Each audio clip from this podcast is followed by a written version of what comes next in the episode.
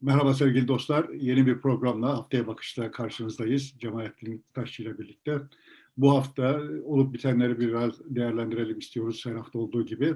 Özellikle dövizdeki bu oynaklık 8'den 18'e doların çıkışı ve arkasından da 11'lere inmiş olması acaba siyaseti nasıl etkiler? Seçmen davranışında bir bunun karşılığı nedir, ne olabilir? Biraz bunun üzerinde duralım istiyoruz.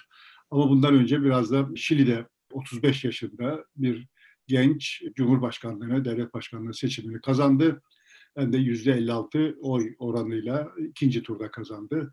Bu nedir, ne anlama geliyor? Ee, galiba en genç liderlerden birisi. Z kuşağı mı demek gerekiyor bunlara? Onlar devrim alıyorlar. En azından 40 yaş altında bir isim. Ee, yeni jenerasyon olduğu açık. İstersen oralardan bir başlayalım. Şimdi Şili'den başlayalım. Şili'de neoliberalizm buradan dünyaya enjekte edilmişti. Şimdi neoliberalizmin beşiği olan Şili aynı zamanda mezarı olacak gibi bir iddia dile getirmiş Gab genç arkadaşımız. Gabriel ee, Boric. Hikayeye buradan başlayalım yani Pinochet'den başlayalım. Ben yazmıştım da galiba seninle konuşurken hiç gündeme gelmedi. Bu Allende'nin devrilmesinin de içinde yer aldığı bir belgesel vardı. Yani Allende'nin devrilmesi bir tarihi meseleydi. Aslında Almanya'dan göçen Hitler özentisi bir kurduğu bir tarikatın hikayesini anlatan, yani çok ciddi bir suç örgütünün hikayesini anlatan, uzun da sürmüş bir örgütün hikayesini anlatan bir belgesel vardı. O belgeselde bir teferruat olduğu halde benim dikkatimi şey çekmişti. Allende öldüğünde yanında olan güvenlik görevlisi de belgeselde konuşuyor. Gerçek adamı konuşturuyorlar. Adam Mın anlattıklarından benim bende kalan şey şuydu. Yani bunlar iktidara gelmişler, çok güzel hayalleri var vesaire filan falan böyle herkesin iyiliğini istiyorlar ama herkesin kendileri gibi olmadığı, birilerinin başka türlü dünya okuması olduğu, dolayısıyla bu iktidarla mücadele edeceği filan akıllarına gelmiyor ve anlatıldığı kadarıyla gencecik bir faşist yanına yamacına topladığı delikanlılarla bu Almanların kurduğu sekten destek alarak bir takım sabotajlar yapıyor. Yani akıl alıyor. Bu sekt belgeselde anlattığına göre bu Almanlar akıl veriyorlar. Almanları kullanarak Amerikalılar da akıl veriyorlar. İşte akaryakıt nakil hatlarına sabotaj yapıyorlar mesela ve işte Santiago'da akaryakıt bulunamaz hale geliyor. 2-3 tane elektrik nakil hattını sabotaj yapıyorlar. 2-3 direği yıkıyorlar ve elektrikler kesiliyor filan. Şimdi bu beyefendi anlaşılıyor ki bu tür işleri engellemekle görevli olan kesinde ve bunların yapılabilir olduğu bile aklına gelmiyor yani. Ben de bunun üzerine demiştim ki yani benim çok dikkatimi çekmiş. Sonradan da Pinochet devrildikten sonra falan filan da yine devlet bu beyefendiyi göreve çağırıyor ve işte yine güvenlikle ilgili bir takım e, konularda çok üst düzey bir yerlere geliyor. O arada da bu sektinden kaçan bir takım çocuklar şikayetlerde bulunuyorlar. Taciz şikayetlerinde falan falan bulunuyorlar ve bu beyefendinin başında bulunduğu birim o tarikate baskın yapıyor ama tarikatın iç yüzünü ortaya çıkaramıyor. Yani şimdi burada beni alarma geçiriyor olan şey şu idi yani.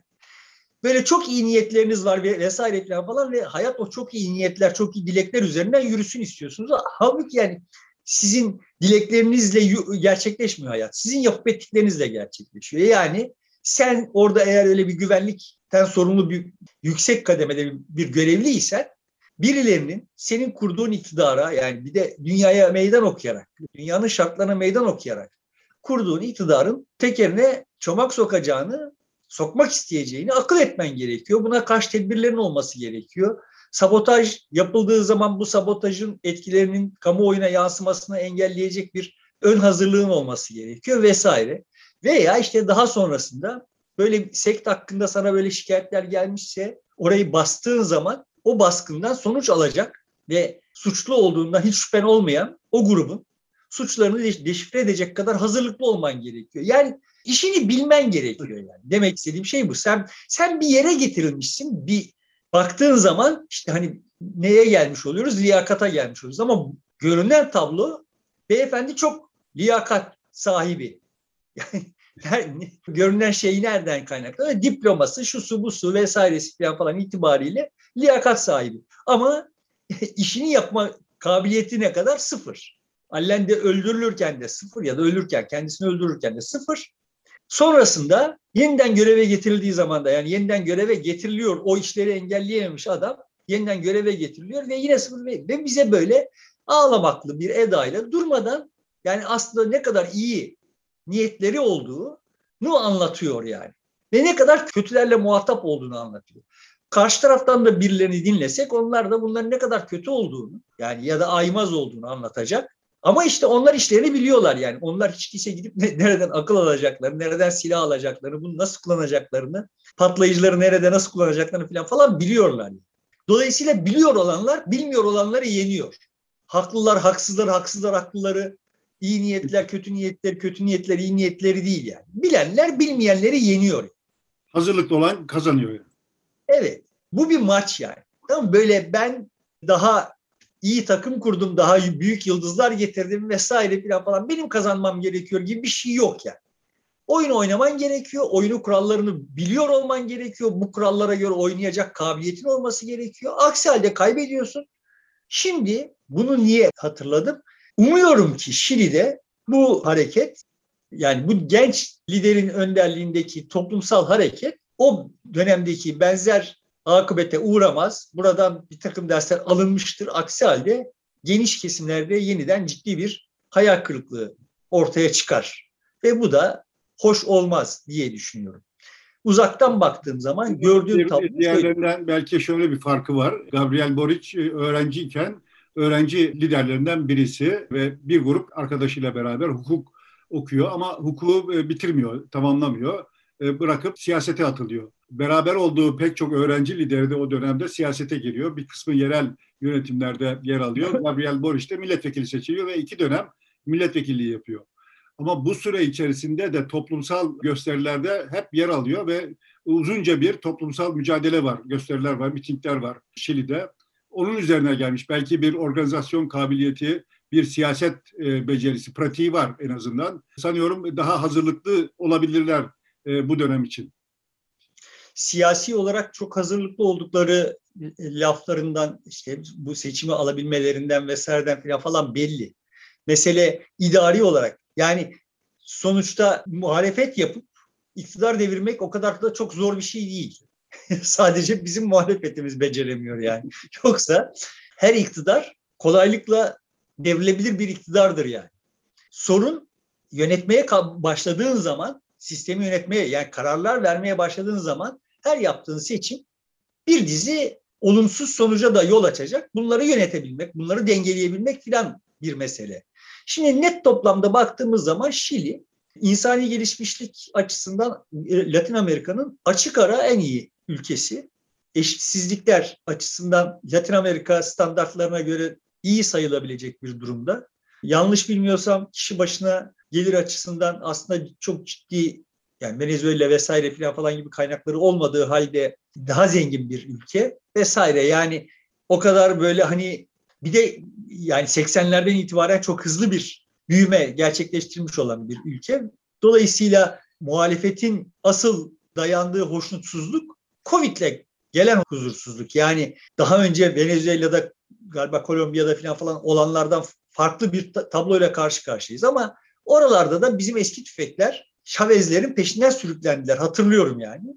Şimdi görünen tablo Şili'deki farklı bir tırnak içinde sol ama bu farkı koruyabilmek yani hani kendileri de daha demokratik sol vesaire falan gibi laflar etmişler.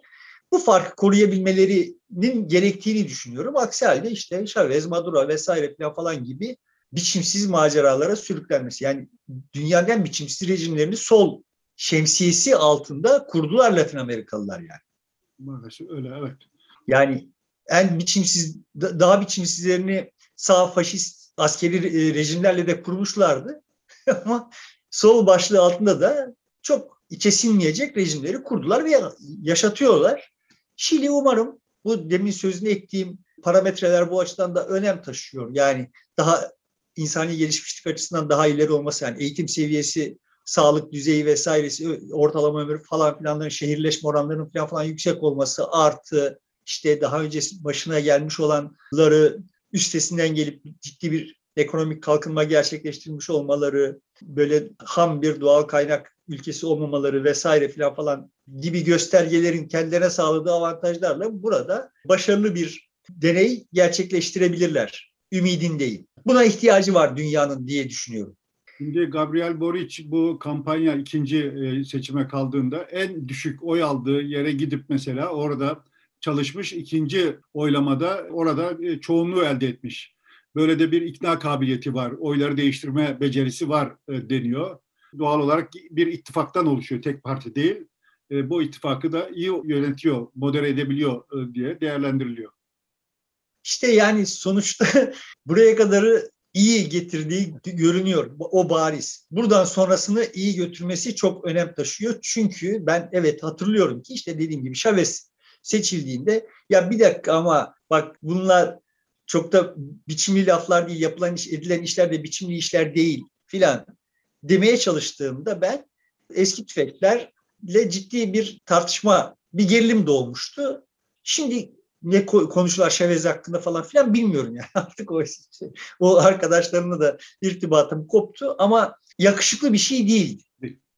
Şimdi bunu buradan şuraya yani Türkiye'ye falan falan bağlamak için böyle uzun bir hat çizeceğim de temelde dünya doğurmaya çalışıyor, doğuramıyor deyip duruyorum ve yeni deneylere, yeni denemelere ihtiyacımız var. Bu yeni deneyler, yeni denemeler işte sol başlığı altında böyle yani üst başlık olarak ya da etiket olarak işte sol olduğu zaman birdenbire böyle bütün eleştirel reflekslerini kaybedip de bakıyor olan geniş bir kesim var bizim ülkemizde. Muhtemelen dünyada da var ama bu doğru bir tavır değil yani. Şimdi e, zaten şey tartışmaları başladı Türkiye'de yazıp çizenler bu konuda. Sol yükselişte mi diye son iki yılda gerçekleşen seçimleri bakarak istersen onları bir hatırlatayım. İşte demokratlar ABD'de geldi gerçi demokratlar ne kadar sol diye bakılır ayrı bir mesele ama orada Sanders Tabii, daha Sanders ekibi daha hakim olduğu için belki birazcık daha söylenebilir. Almanya'da uzun bir aradan sonra sosyal demokrat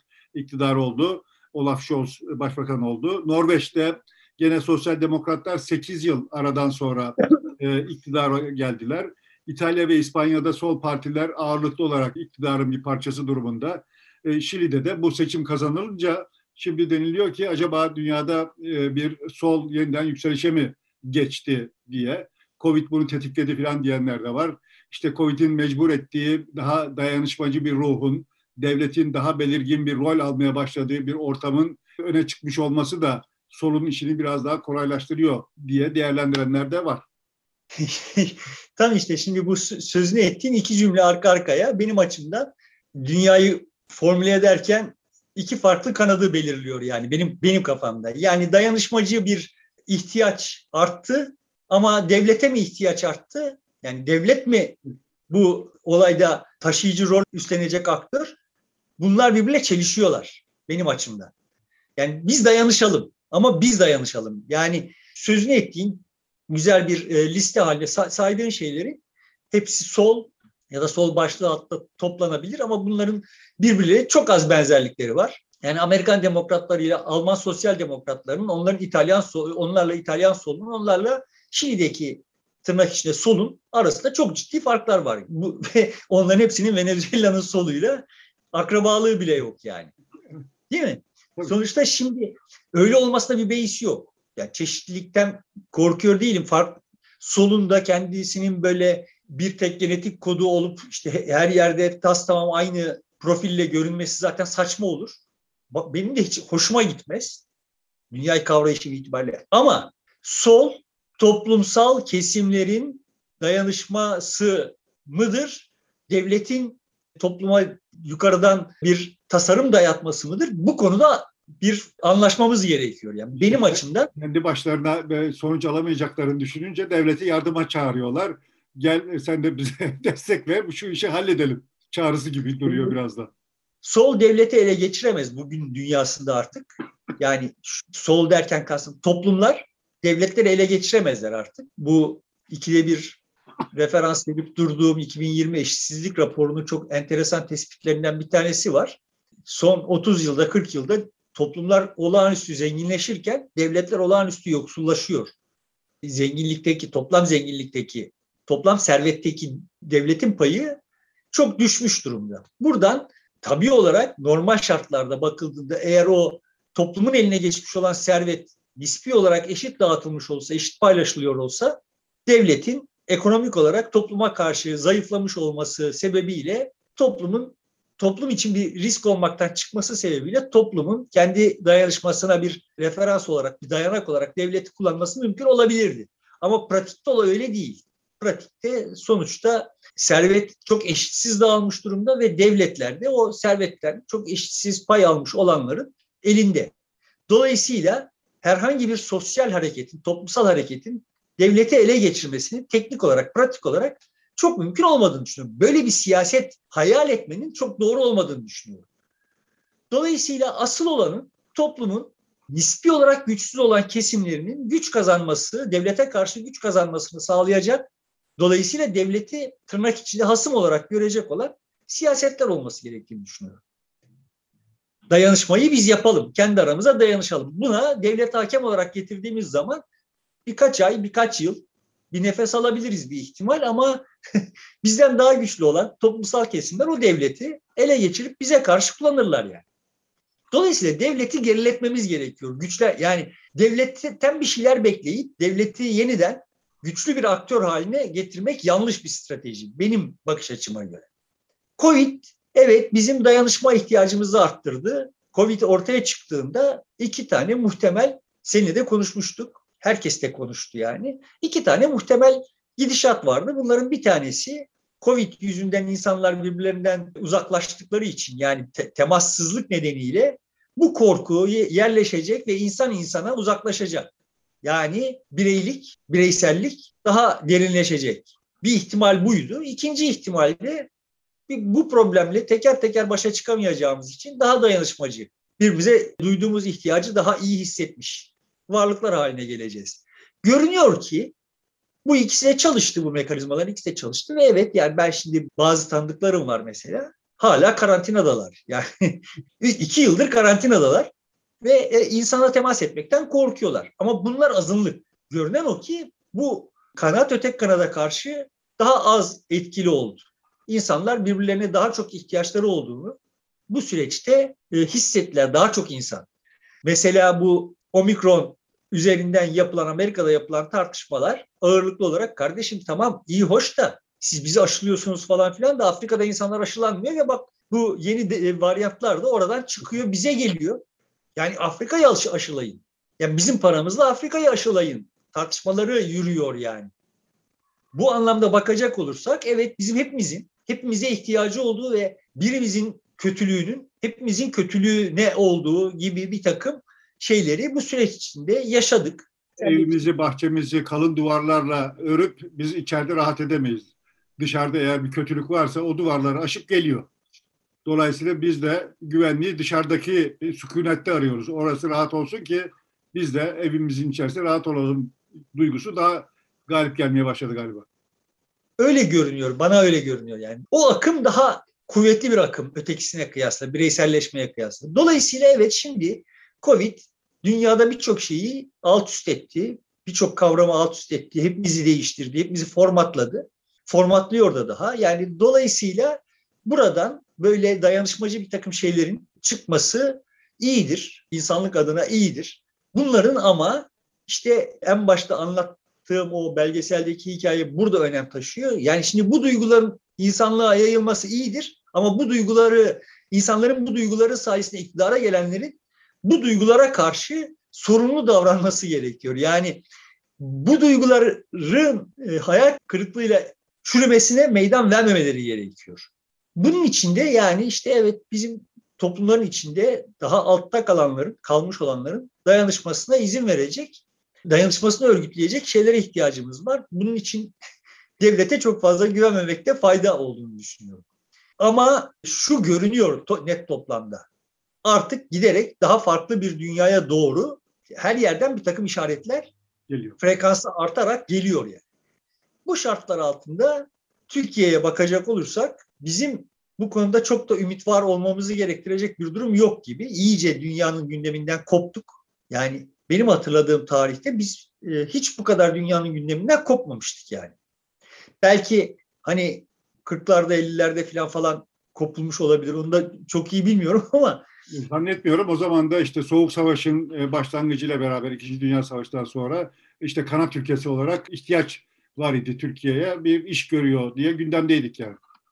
Evet yani ama biz şimdi böyle hani dışarıda maceralar arayan bizim hatırladığımız tarihte hiç olmayacak kadar dışarıda maceralar arayan bir ülkeyiz bir yandan. bir yandan da konuştuğumuz konular yani Türkiye'de ağzını açanın konuştuğu konular ağırlıklı olarak yani işte Türkiye'nin içindeki mevzular ve Türkiye'nin içindeki siyaset mevzuları yani. Bu sağlıklı bir hal değil ve sürdürülebilir bir halde değil. E, nereye doğru evrileceğiz bu anlamda bilmiyorum. Yani bir yandan da hiç olmadığı kadar hızlı bireysel göç veriyoruz. yani dışarı böyle bir dışarıyla böyle bir ilişkimiz de var yani. Buna rağmen çok içimize kapandık. Daha genel, daha kavramsal konulardan söz edemez hale geldik yani. Çok gündelik, çok güncel hikayelerle konuşuyoruz. Şimdi buradan mevzumuza gelelim yani işte. Dolar yükseliyor, doların yükselişini konuşuyoruz. Dolar düşürmek için bir takım atraksiyonlar yapılıyor. Bu sefer onu konuşuyoruz. Yani iktidarı, muhalefeti vesaireyi falan falan böyle içeride bizim gündeliğimizi belirleyen faktörlerle konuşuyoruz yani. Bunun bana çok tuhaf gelmişti. Yani dolara böyle absürt bir müdahale yaptığında e, Erdoğan vay işte muhalefet e, ters ayakta yakalandı filan diye tartışıldığını görünce şaşırmıştım. Yani, bizim gündemimiz doların 18 liraya çık oradan 12 liraya inmesi vesaire falan falan değil. Bizim gündemimiz eğer ekonomi idiyse ekonomi buradan zarar gördü.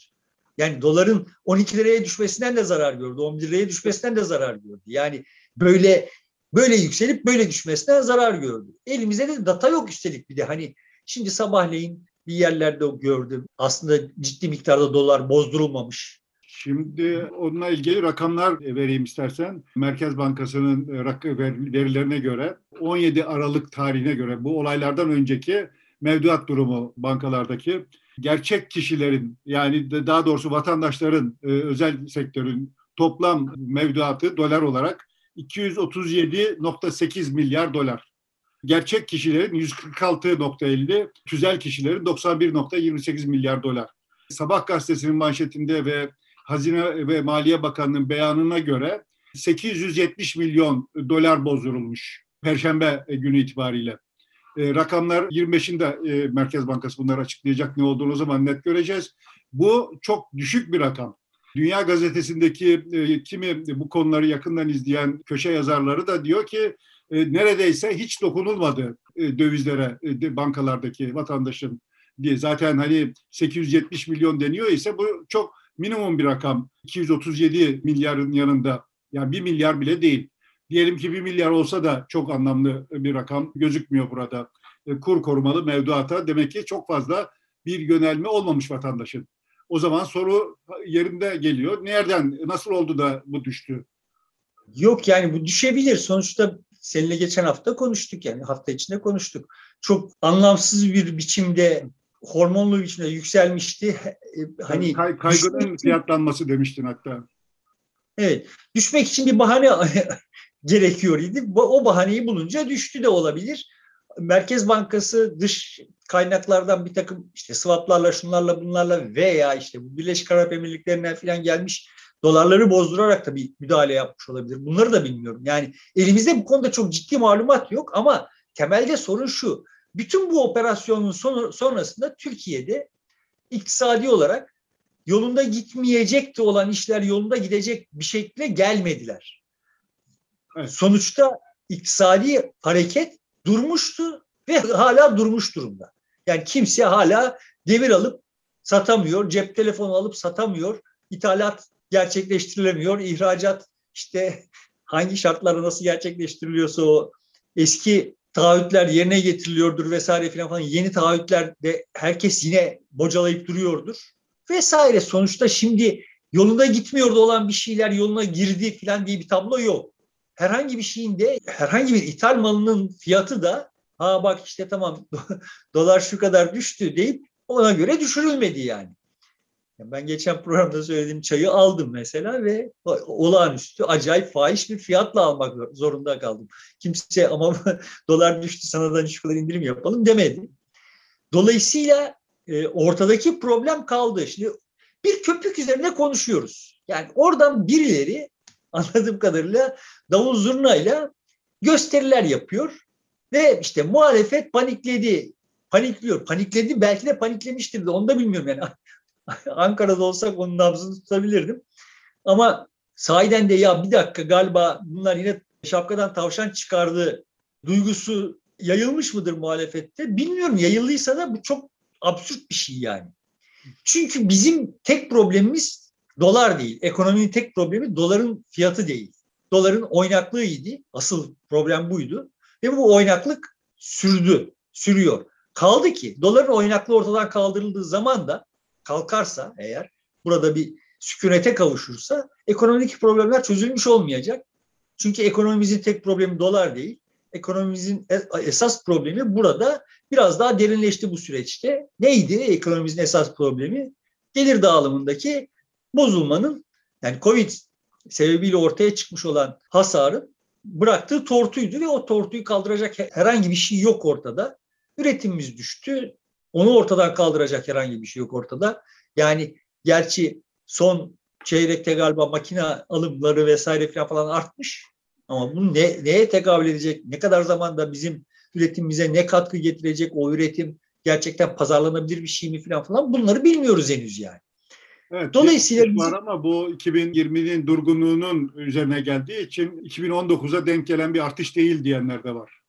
Benim bildiğim bizim makine alım, makine teçhizat alımları 2013'te, 2014'te durdu. Yani çok uzun süredir durmuştu zaten yani. Şimdi bunun üzerine bir bir artış var. Yani bir, bir daha doğrusu bir makine teçhizat alımı var. Bu neye tekabül edecek? Çünkü bunlar bugün aldın yarın senin ekonomide bir katma değer üreten bir şey haline gelmiyor yani. Bu neye tekabül edecek? Ne mana taşıyacak? Bunları bilmiyoruz henüz. Ama sonuçta biz bu ekonomiyle bir süre daha yaşayacağız zaten yani. O makine teçhizat alımlarının etki etmediği bir durumda zaten yaşayacağız ve bu ekonomi bıçağın kemiğe dayandığı bir ekonomiydi. Dolayısıyla şimdi dolar düştü. Vay tüh bunlar yine şapkadan tavşan çıkardı. yani doları 6 liradan 12 liraya düşürmüş oldular. Böyle bir hikaye üzerinden eğer şeyde bir moral bozukluğu meydana geliyorsa muhalefette örtü öylem zaten yani o muhalefetten de bir şey beklemeyelim zaten yani. Ama ben hani e, asıl muhalefetin asıl alanının burası olmaya olmadığını söylüyorum. Bu köpük kalkacak ve bizim esas problemlerimiz yani bizim ekonomideki tek problemimiz dolar değildi. Bizim esas problemimiz de ekonomi değil. Her ne kadar ekonomi konuşuyorsak da bizim esas problemimiz ekonomi değil yani. Bizim başka problemlerimiz var çok derin problemlerimiz var. İşte o çok derin problemlerin başında geliyor olan şey ne? Şili'de sonuçta öyle veya böyle 35 yaşında bir çocuğun örgütlediği bir muhalefet yeni bir hayal kurdurarak yani işte neoliberalizmin mezarı Şili olacak. Yani peki ne olacak? İşte biz daha dayanışmacı, daha demokratik, daha eşitlikçi bir düzen kurum, kuracağız en azından eşitsizlikleri gerileten diyelim bir düzen kuracağız. Şimdi ben böyle anlıyorum. Uzaktan baktığım zaman Şili'deki hareket bir devlet sosyalizmi değil yani. Yok, onu istemiyor zaten. Dolayısıyla yani daha toplumsal temeli olan ve işte ama daha eşitlikçi iddiaları olan vesaire filan falan ve işte dünyadan da kendisine büyük bir komplo kurmuş olan dünyadan da makul ölçülerde rövanş şunu almayı iddia eden bir şey örgütlemiş bir muhalefet. Şili'de muhalefet ancak böyle mi örgütlenebilirdi? Başka hikayeler de anlatılabilirdi. Bu hikayeyle bu bu çocuğun hikayesi buymuş ve bu hikayeyle bu gidişata meydan okuyacak. Biz bunu değiştirebiliriz. Daha iyi bir Şili yapabiliriz. Duygusunu örgütleyebilmiş ve bir, bir şey yapmış. Şimdi bizde böyle bir duygu yok.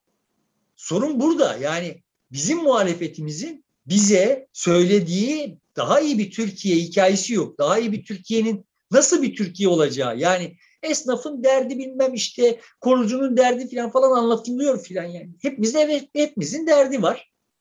Sizin şimdi bizim için öngördüğünüz bütün daha iyi Türkiye bundan ibaret mi? Yani mayınlı arazilere girmemeye özen gösteriyor olan bir muhalefetimiz var. Bunun istisnası neydi? Helalleşmeydi. Ve işte Kılıçdaroğlu onu biraz paslanmaya terk ettiği gibi görülüyor. Ama asıl hikaye mesela oradaydı. Ve yani tek, tek mümkün hikaye o değil ama bizim muhalefetimizin son dönemde bizim önümüze bir paket olarak koyabildiği yegane hikaye daha doğrusu içine hikaye çıkabilir bir şey burada orada yatıyordu yani. Başka bir şeyler de çıkarılabilir ama hiçbir şey çıkmıyor. İktidar bize bir yeni hikaye sunmuyor. Dolayısıyla bizim gençlerimiz biz iyisini yaparız diyor sadece teminat olarak. Biz daha iyi yapabiliriz diyor. O kadar. Ya, yani evet. Neyin iyisi ama yani iyisi ne? İyi olan ne yani? Biz bunu bilmiyoruz. Ama toplumsal dinamik olarak olaylar böyle gelişmiyor. Yani hikayeyi bulamadığı için gençlerimiz kendileri örgütlenemiyorlar bu delikanlı gibi. Gençlerimiz bu mevcut hikayesizlik içinde fırsatı varsa yurt dışına kaçıyor yoksa burada kendi içine kararıyor yani. Şimdi zaten yani, bunca olup bitene rağmen e, herkes şikayetleniyor, itiraz ediyor, işte muhalefette boyuna konuşuyor, bir sorun var deyip duruyor. Ama mesela davulla mesela karşılayabiliyor dövizin düşmüş olmasına. Aslında 8'den 12'ye çıkmış olmasını davulla karşılıyor da diyebilirsin bunu. Ama öbür tarafta buna itiraz edenler de pasif bir direnişte sanki terk edip gidiyor. Herhangi bir mücadele vermek yerine bir köşeye çekiliyor dediğin gibi. Neden peki bir dayanışma ruhu çıkmıyor? Neden bir mücadele isteği, bir şey yapma arzusu harekete geçmiyor? Yani sıkıntımız bizim burada. Bize herhangi bir hikaye anlatılsa biz pekala Şililer gibi işte bunun arkasında sürüklenebiliriz. İşte bu davul zurna meselesi aslında bize çok şık ipuçları sağlayabilir. Eğer iktidar böyle do, dolara yaptığı müdahalenin sonunda doların 12 liraya düşmesini davul zurnayla kutlatacak bir takım operasyonlar yaptı da bunlar olduysa yani bu sivil bir şey değil de bir tırnak içinde hani tasarı ürünü ise bu iktidarın ne kadar aciz durumda olduğunu gösteriyor. Muhtemelen ikincisidir. Ben yani hiç bilmiyorum. E, etrafını bakıp sormadım, soruşturmadım ama muhtemelen e, oradaki yerel birisinin yani illa hükümetin bir şey yapması gerekmiyor. Onun e, organizasyonudur ya. Eğer hal benim dediğim, yani bu birinci şıktaki gibi ise hükümetin acizini gösteriyor. Yani bu kadar ucuz e, operasyonların peşine böyle ucuz gösteriler takmak ihtiyacı hissedecek kadar zayıflamış olduğunu gösteriyor. Bunun karşısında niye ümitsizliğe kapılsın muhalefet? E yok senin dediğin gibi ise yani ikinci ihtimal o. Yani orada kendi kendi kendisine birileri kendi inisiyatifiyle böyle davullu zurnalı kutlamalar yapıyor ise bu da muhalefeti ümitsizliğe sevk edecek bir şey değil ama bu toplumda nelerin ya daha doğrusu her toplumda nelerin nasıl çalıştığını anlamak için çok ibretlik bir termometre bu yani. Bir barometre. Şimdi düşün ki Türkiye'de yani niye ümitsizliğe sevk etmesi gerekmiyor? Çünkü bu davullu zurnalı kutlamalara yapanlar ve katılanlar birkaç bin kişidir taş çatlasın yani. Yok ya çok az çok. Türkiye'nin genelinde bilmiyorum yani sonuçta saymadım teker teker ama yani sonuçta bu tür bir şey yani bunların yapılıyor olmasından ümitsizliğe kapılınacaksa o zaman biz ölelim yani. Ya bu toplumda ne yaparsanız yapın işte düz dünyacılar da olacak bilmem neciler de olacak bunları kazımadan toplumun e, belinin doğrulmayacağına inanıyor iseniz zaten bırakın gidin yani. Hep olacak. Yani aşı karşıtları da olacak. Aklınıza hayalinize gelmeyecek safsatalara inananlar olacak. Her zaman olacak yani bunlar. Burada muhalif muhalefet partilerine değil yani muhalif kesime e, hitap etmek istiyorum ki bak kardeşim Türkiye işte 80 milyon insanın 80 küsur milyon insanın yaşadığı ve envai çeşit insanın yaşadığı bir yer. Burada böyle her gördüğünüz size benzemeyen insandan ürküp de hayal kırıklığına uğrayacaksanız zaten bence evden çıkmayın yani. Hani kendi sağlığınız, ruh sağlığınız açısından bence evden çıkmayın.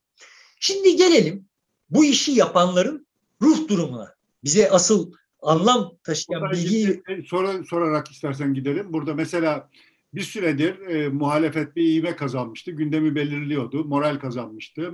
E, bir yükselişteydi ve iddia ediyorlardı ki AK Parti çözülüşte. Oradan bir uzaklaşma var anket şirketleri de evet bunlar uzaklaşıyor, seçmen kararsızlaştı her ne kadar muhalefete gitmedi deseler de bir uzaklaşma olduğunu söylüyor. Ama bu dövizin 18'den 11'lere indirilmiş olması ile şöyle bir duygu e, yayılmaya başlandı. İktidar dedi ki tamam biz e, yeniden inisiyatifi ele aldık, moralimiz yükseldi, sorunu çözdük. Muhalefette eyvah galiba bunlar yeniden gündeme aldılar, işi başardılar. Kamuoyu bunların peşinden gider deyip bir duraksamaya geçti.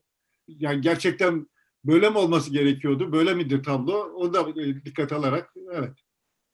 İşte olabilir mi yani sonuçta sen şimdi ya bunlar galiba inisiyatifi ele geçirdi 18'den 11'e düşünce e, birdenbire memlekette muhalefetten çözülüyor olan kesimler yeniden geri dönecekler diye korkup da pısarsan sen korkup da geri adım attığın için evet insanlar yeniden iktidarın yanında hizalanırlar. Ama dolar 18'den 11'e düştü diye değil yani. Sen geri adım attın ve o oyundan çekildin diye senin boşalttığın alanı doldururlar. Yani. Ama hani şimdi şey bu ruh durumu yani o işte birkaç bin birkaç yüz neyse o kişilerin ruh durumu bize neyi gösteriyor? Yani onlar demek ki yani onlar hep vardılar. Yani iktidarın en en çekirdek seçmeni Erdoğan'ın en çekirdek seçmeni olarak onlar hep vardılar. Böyle davul zurnalı gösteriler yapmıyorlardı. Şimdi davul zurnalı gösteriler yapmaları ne mana taşıyor? Demek ki onlar bile hissetmişler ki evet. iktidar Erdoğanları tehdit altındaymış. Yani bu aslında muhalefeti cesaretlendirme, o davullu zurnalı gösteriler muhalefeti cesaretlendirmesi gereken göster göstergeler. Değil mi yani sonuçta şimdi düşün ki Erdoğan bütün kendi kaderini Erdoğan'a bağlamış olan bir takım insanlar dövizdeki düşüşten aa bizim reis kendini yine kurtarıyor galiba diye davullu zurnalı gösteriler yapacak kadar bir heyecan duymuşlarsa demek ki onlar bile hissetmişler ki reisleri kaybediyor. Değil mi? Sen şimdi sosyolojinin içinde bunca sene bu siyasetin içinde, sosyolojinin içinde bulundun. En geç hissedecek, en geç kabul edecek kesim o kesim. O da, davul zurnayla kutlayan kesim. Demek ki onlar bile hissetmiş. Yani yenilgiyi onlar bile hissetmiş ki bir gol atınca evet, küçük bir başarıdan zafer yani. evet yani sonuçta orada bir tezahürat yapma ihtiyacı hissetmiş. Yani koskoca tribünler var. Bu tribünlerde derin bir yeis var demek ki yani AKP, MHP seçmeninden oluşan tribünlerde derin bir yeis var. Bir gol atınca oradan birileri küçük bir grup böyle acayip tezahüratlar yapıyor. Ama işte içlerinden birileri diyor ki bunlar işte e, sıtmaya yakalandık, ölmedik diye. Reis bizi sıtmaya maruz bıraktı ama öldürmedi diye seviniyorlar. Aslında öyle olmuyor yani. Aslında temel mesele şu. Evet her şeye rağmen kaderini Erdoğan'a bağlamış olanlar var. Neden böyle insanlar var? Çünkü evet bu insanları çok hayatlarından bezdirdi yani Türkiye Cumhuriyeti. Öyle olmaması gerekiyordu. Öyle hissetmemeleri gerekiyordu. öyle hissettiler kardeşim. Öyle hissettiler ve onlar için evet kendilerine düşman olan bir cumhuriyetin kontrol altına alındığı, kendileri lehine kontrol altına alındığı bir hale gelmesinin aktörü Tayyip Erdoğan. Dolayısıyla bütün varlıklarıyla kendilerini Tayyip Erdoğan'ın neferi o haline getirdiler. Bunlar Tayyip Erdoğan'ın yaptığı doğru veya yanlış diye değerlendirerek buna göre pozisyon almıyorlar. Bunlar Tayyip Erdoğan tekrar aynı benzetmeye dönecek olursak bir takımın taraftarı gibi. Ya golü biz attık o tekrar attı diye bakıyorlar yani.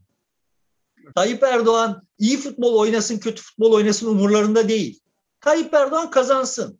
Neden bu duruma getirilmiş bu insanlar? Bunları anlamak, yani onların size oy vermesini sağlamanız mümkün değil. Öyle bir hayal kurmanız yanlış. Buna ihtiyaç yok. Onların size oy vermesine ihtiyacınız yok. Ama eğer memlekette siyaset yapacaksınız ve memlekete geleceğine yönelik daha sağlıklı bir hikaye kurmak niyetiniz var ise bu insanları anlamanız gerekiyor. Aşağılamak değil, efendim işte o korkmak değil. Anlamanız gerekiyor. Yani niye böyle davranıyorlar? Ne birikmiş bunların içindeki, bu insanların içindeki? Şimdi şurada bir tane bir çalım atınca gol bile değil yani. Bir tane topuk pası verince böyle cuşa gel, gelebiliyorlar yani. Bu insanlar bunu anlamanız gerekiyor. Topluma karşı bir mesuliyet duygunuz var ise demeye çalıştığım şey bu. Sıradan vatandaşın böyle bir sorumluluğu yok ama eğer sen siyaset yapıyorsan bu ülkede veya bu ülkenin aydınıysa buna böyle tuhaf bir şey gibi davranma lüksün yok yani. Bu toplumun bir gerçeği bu ve bunu anlaman gerekiyor. Ama siyasete taşıyacak olursak evet bu, bu benim açımdan yani o davul zurnalı göstergeler benim açımdan şu anlamı anlama geldi. Ya bu AKP hakikaten bitmiş yani. Yani böyle bir senin söylediğin bu saptamaya uygun bir değerlendirme de Ahmet Davutoğlu'ndan geldi. Perşembe akşamı e, Medyaskop'ta Ruşen Çakır'a konuştu. Orada diyor ki bir sürü şey söyledikten sonra AK Parti'nin bir çözülme sürecinde olduğunu, çözülebileceğini yakın bir e, gelecekte söylüyor. Diyor ki her bir taş aslında herkes çıkacak. Ben çekilirsem yıkımın sorumlusu ben olacağım diye duruyor. Bir tek taş sökülürse çöküş görülecek. AK Parti'de hala vicdanlarına güvendiğim insanlar var diyor. Büyük kopuşu AK Parti tabanından ve orta kademe yöneticilerinden bekliyorum. Eski ilçe başkanları, il başkanları orada artık sıkıntı hissediliyor. Statüye sahip olanlar ise hala o cesur kararı veremiyorlar diye bir değerlendirmesi var. Hem de bu olup bitenlerden sonra. Yani bunu biz de konuştuk. Yani ben de dedim ki ayrılamazlar. Ayrılması en zor olanlar. Onlar çünkü evet şimdi bu vicdan falan falan laflarından ha, hakikaten sıkım sıyrıldı artık yani. Herkes vicdanlı ya. Ben şimdi bu kelimelerle söylemiştim yanlış hatırlamıyorum. Ben olsam orada yani AKP Eskişehir milletvekili olsam ben şimdi buradan çekip gidemem. Vicdanım memleketin bu AKP iktidarı yüzünden düşürüldüğü durumu içime sinirmeme el vermez. Ama öteki taraftan da yani kendi kendime şöyle açıklamalar getirir, getiririm. Yani uzun yıllar kendilerini bu memleketin kendi ülkelerinde işte parya olarak görmüş olan insanların hayal kırıklıklarının sebebi ben olmayayım. Yani bunu da vicdanımla açıklarım yani. Anlatabiliyor muyum derdim bilmiyorum. Sonuçta evet, vicdan... Evet. Aslında Davutoğlu söylediği de tam da senin söylediğin. Yani e, doğru bunlar böyle e, düşünüyorlar ama ben olayım hani bu sebep olmayayım diye bekliyorlar şimdilik diyor. Evet ben de hani geçen dem, demiştim yani sonuçta e, en son gidecek olan onlardır. Onu beklemek de çok yanlış bir şey. Ama net toplamda sosyolojik olarak bakacak olursak ben AKP'nin tabanının e, bu, yani bugün seçim olsa AKP'nin bütün anketlerin gösterdiğinden çok daha düşük oy alacağını düşünüyorum. Çünkü herkesin çok büyük tabanda çok geniş kesimlerin bir dakika şimdi biz buradan gideceğiz de bu yuvayı bokladık yani başka bir yere, bir yere gideceğiz de nereye gideceğimizi hep aynı şeyleri söylemek zorunda hissediyorum kendimi. Davutoğlu'na bakarak, Babacan'a bakarak, Kılıçdaroğlu'na bakarak karar vermeyeceğiz biz. Biz yanımızda bizim gibi olanlara bakacağız. Nereye gidiyorlar? Çünkü teker teker bir yerlere gitmemiz bu gidişatı değiştirmek için doğru değil. Hep birlikte gitmemiz lazım yani. Dolayısıyla ben yanındakine bakacağım. O bana bakacak falan filan. Sonunda birimiz bir yere gitmek zorunda kalacağız. Ve hepimiz birlikte gideceğiz yani. Hep böyle oldu.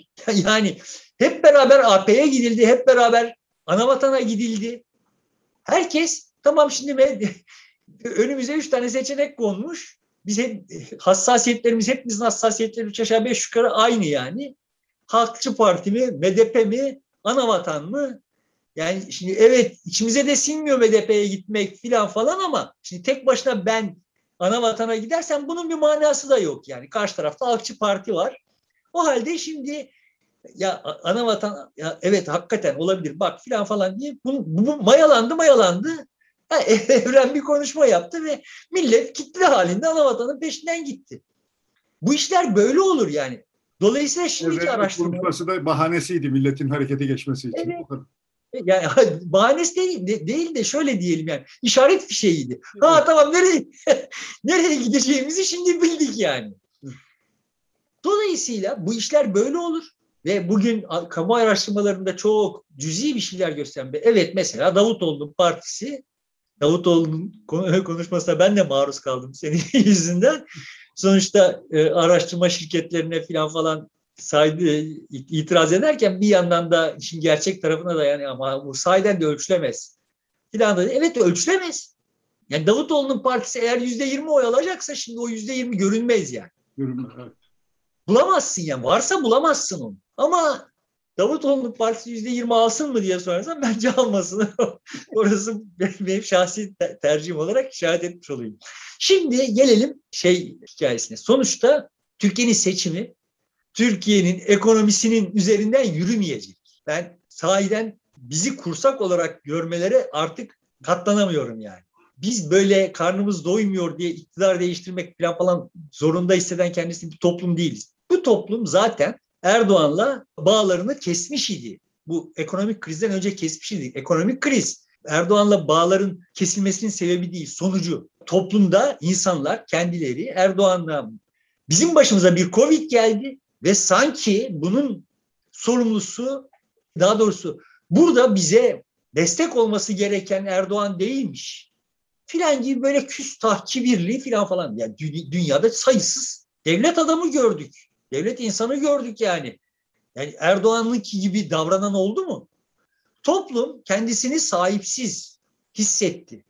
Ve kendisine yalan söyleniyor olduğunu delillerini gördü. Durmadan yalan söyleniyor. Hala yalan söyleniyor.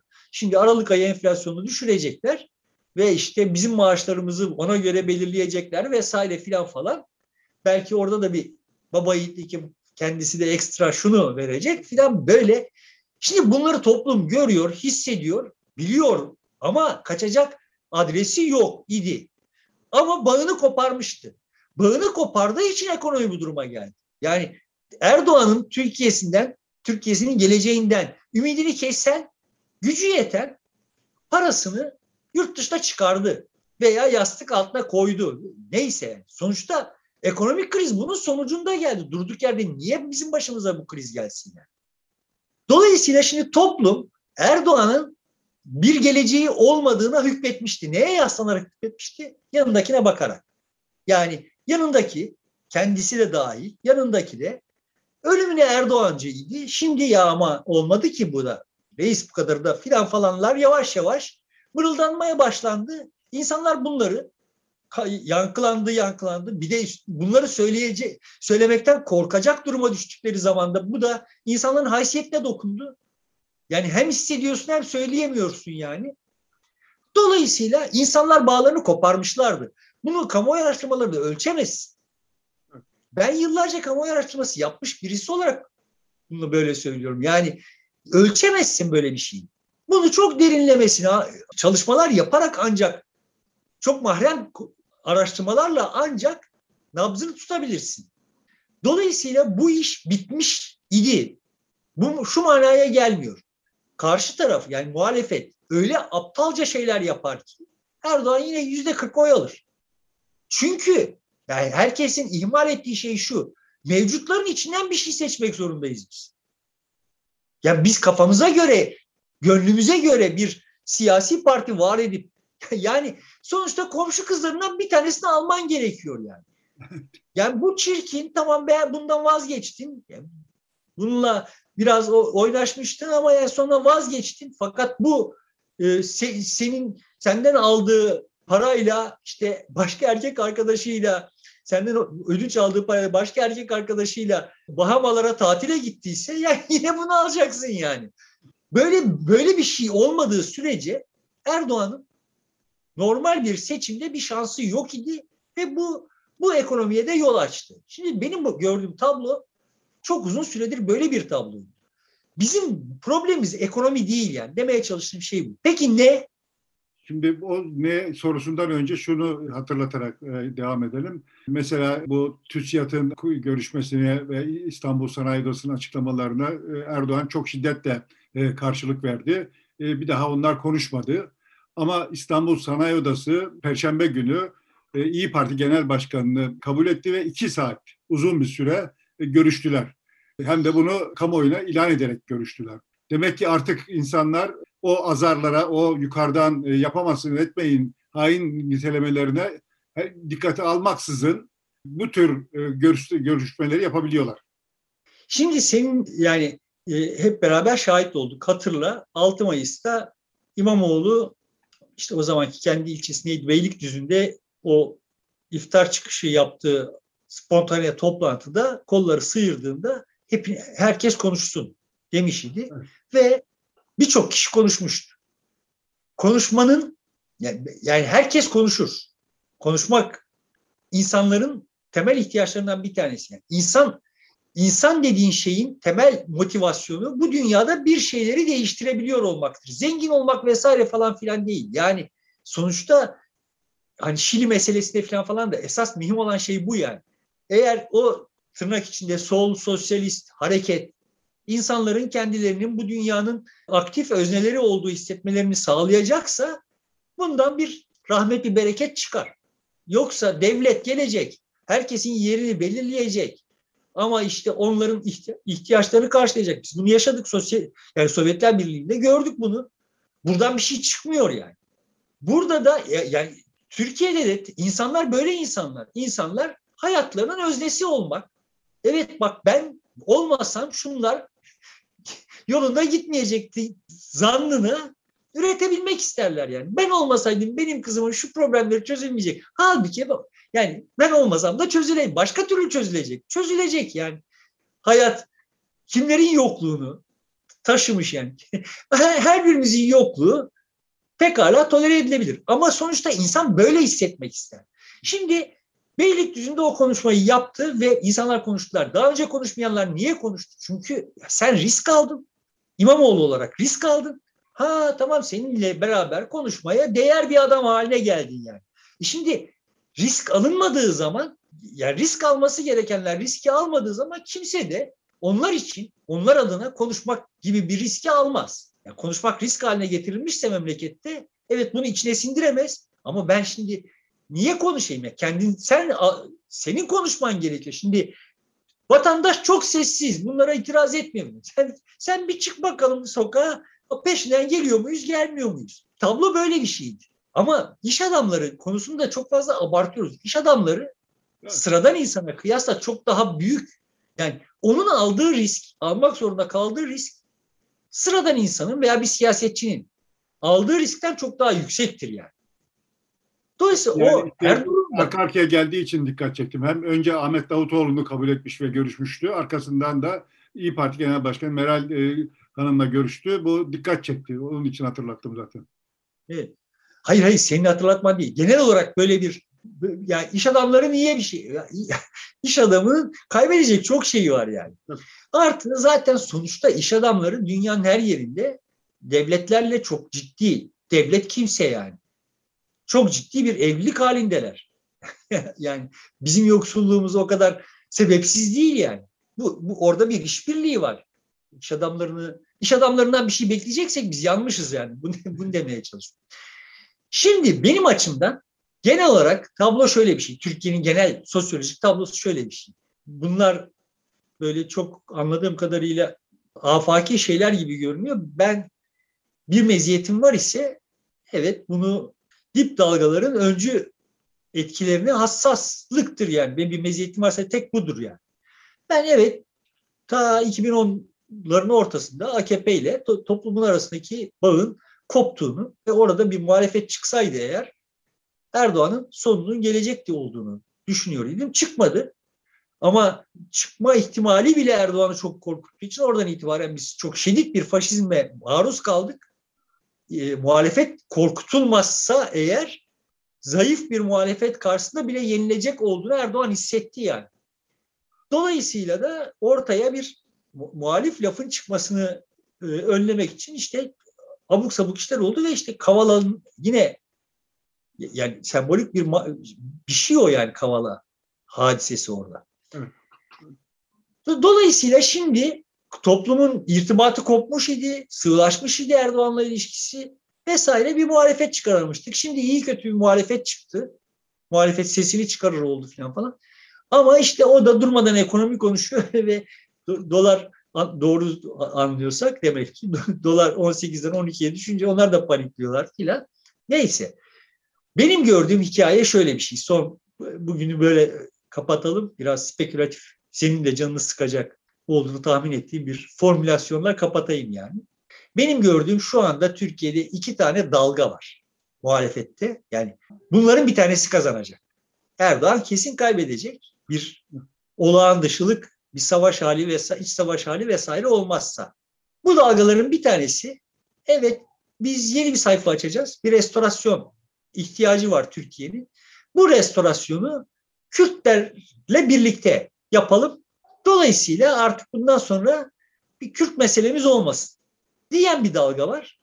Bu dalganın ittirdiği aktör İmamoğlu. Yani şu andaki mevcutlar içinde İmamoğlu'nun arkasında hizalanmış durumdalar. Bir de kardeşim evet bir restorasyona ihtiyacınız var. Bir restorasyon olacak. Bunun içinde Erdoğan yıkılması gerekiyor ama öyle bir Erdoğan efsanesi oldu ki Erdoğan efsanesinin yıkılmasından da bir efsane çıkacak. Yani Erdoğan'ı yıkan da bir efsane olacak. Dolayısıyla onun Kürtlere borçlu olmadan bu işi yapmasında Türkiye'nin âli menfaatleri açısından fayda var. Diyenler var. Bunlar da Mansur Yavaş'ı ittiriyorlar. Burada yola çıkarak benim şahsi tahminim şudur. Tabii ki çok çok spekülatif bir tahmin yaptığımın farkındayım. Eğer muhalefet İmamoğlu'na aday gösterirse, ortak aday olarak İmamoğlu'nu gösterirse birileri Mansur Yavaş'a aday gösterecek. Mansur Yavaş'ın isteyip istememesinin bunda gönüllü olup olmamasının bunda çok az etkisi var. Mansur Yavaş hiç gönüllü olmadan da bu işe sürüklenebilir yani. Eğer muhalefet ortak aday olarak Mansur Yavaş'ı gösterirse birileri de İmamoğlu'na aday gösterecek. Eğer muhalefet bunların dışında bir aday gösterirse bunların ikisi de aday gösterilecek. Bu seçimin Erdoğan'ın e, lehine gelişmesi falan falan gibi bir kaygıya yol açmıyor bende. Bu şartlar altında da Erdoğan kaybedecek. Kimin kazanacağını hikayesini Türkiye yazacak yani orada onu bilemem yani. Bunun bunu önlemenin bir tane yolu var. Önlemenin değil, ertelemenin bir tane yolu var diye düşünüyorum. O da Ekrem İmamoğlu'nun ve Mansur Yavaş'ın arkasındakilerin. Evet biz şimdi bu restorasyon hikayesinin üzerinden birbirimize girersek bu çok kıyıcı bir rekabet olacak. Bir sonraki round imkanı ortadan kalkacak. Yani bu Türkiye'nin bir yandan Erdoğan, Erdoğan'dan kurtarılması, bir yandan da bu hesaplaşmanın tamamlanması işini aynı anda yapmaya kalkarsak başımız çok derde girebilir. Dolayısıyla siyasi ikbali olmayan, bir siyasi e, geleceği olmayan, bilge ama e, yani içimize sindirebileceğimiz bir birisi sembolik bir cumhurbaşkanı olarak gelsin. Biz bu e, roundu erteleyelim. Denebilecek olursa eğer o zaman belki bunlar aday olmayabilirler. Bunun bu böyle bir formülasyonun hem Kılıçdaroğlu hem de Akşener için de çok ehven olduğunu düşünüyorum. Çünkü yani İmamoğlu ve Mansur Yavaş öyle veya böyle sonuçta onların veliahtlarılar ve babalarını öldürmek zorunda kalabilirler. Şimdi sahaya çıkarlarsa babalarını veya annelerini öldürmek zorunda kalabilirler yani. Dolayısıyla Türkiye böyle bir seçime doğru gidiyor. Benim gördüğüm çok çok olağan dışı şeyler olmazsa Türkiye'nin gidiyor olduğu seçim böyle bir seçim. Kamuoyundaki hissiyat o yani içten kararmış olan gençlerde vesaire falan falan da olan hissiyat böyle bir hissiyat.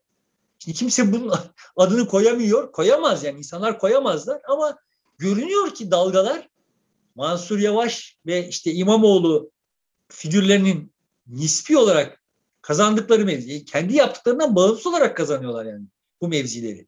Sosyal desteği yani böyle çok başarılı, çok akıllıca işler yapıyor olduklarına her yaptıklarına bir akıl yakıştırılıyor olmasına. Şimdi niye yakıştırılıyor? Çünkü evet böyle derinde böyle bir şey, bir ihtiyaç var yani. Şimdi de dolaşma şey girmiş. Gönlümdeki Cumhurbaşkanı adayı e, Ekrem Yavaş diye böyle birisi Ekrem İmamoğlu'yla Mansur Yavaş'ın fotoğraflarından bir yeni teknoloji öyle şeyler yapmaya izin veriyor ya. Evet. Bir şey birleştirmiş. İkisinin kişilik özelliklerini taşıyan yüzlerinde falan bir fotoğraf dolaşıyor ortada. Bu hani şimdi bunu iki aktörü aslında ittiriyor olan dalgaların ne olduğundan habersiz olarak ya bir dakika hani acaba bunları meczedebilir miyiz? Hayali kuranların e, icadı bir şey ama sonuçta görünüyor ki yani bizim böyle ekonomiyle şunlar bunlar falan götüreceğimiz bir seçim yok yani. Bizim hesabımız çok belli. Bizim bir restorasyona ihtiyacımız var.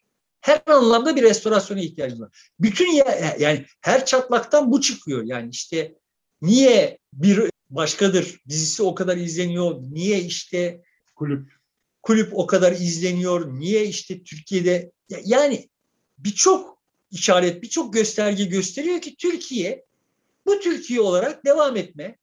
Yani biz yaşlıların kullandığı lügatle devam etme iradesini sürdürmek istemiyor. Yani böyle bir iradesi yok. Başka bir, bir faza geçmek kararlılığında ve burada asıl karar bu faza geçerken Kürtlerin yeri ne olacak? Asıl sıkışıklık burada. Yoksa yani Türkiye'nin bir de Kürtleriyle ilgili Türkiye'nin Kürtlerinin kendilerine has siyasallaştırdıkları bunca sıkıntı olmamış olsa zaten te, tek kanaldan bu, bu dalga yürüyüp gidecek yani. Yani Şili ile başladık, Şili ile bitirelim. Sonuçta ümit ediyorum tekrar Şili'deki deney hayal kırıklığına yol açmaz. Neyse yani sonuçta Şililer iyi ki bunu yaptık noktasına gelirler. Yani olağanüstü beceriksizliklerle ağızlarına yüzlerine bulaştırmazlar o işi. Ama ona benzer bir şey olacak Türkiye'de. Evet, sadece e, o kadar genç bir e, isim belki bulamayacağız. Evet yani o o da çok ekstrem bir şey örnek zaten. Yani diyelim. Peki burada bitirelim o zaman. E, peki sevgili dostlar haftaya bakışı burada bitiriyoruz. E, çarşamba günü görüşmek üzere. Hoşçakalın.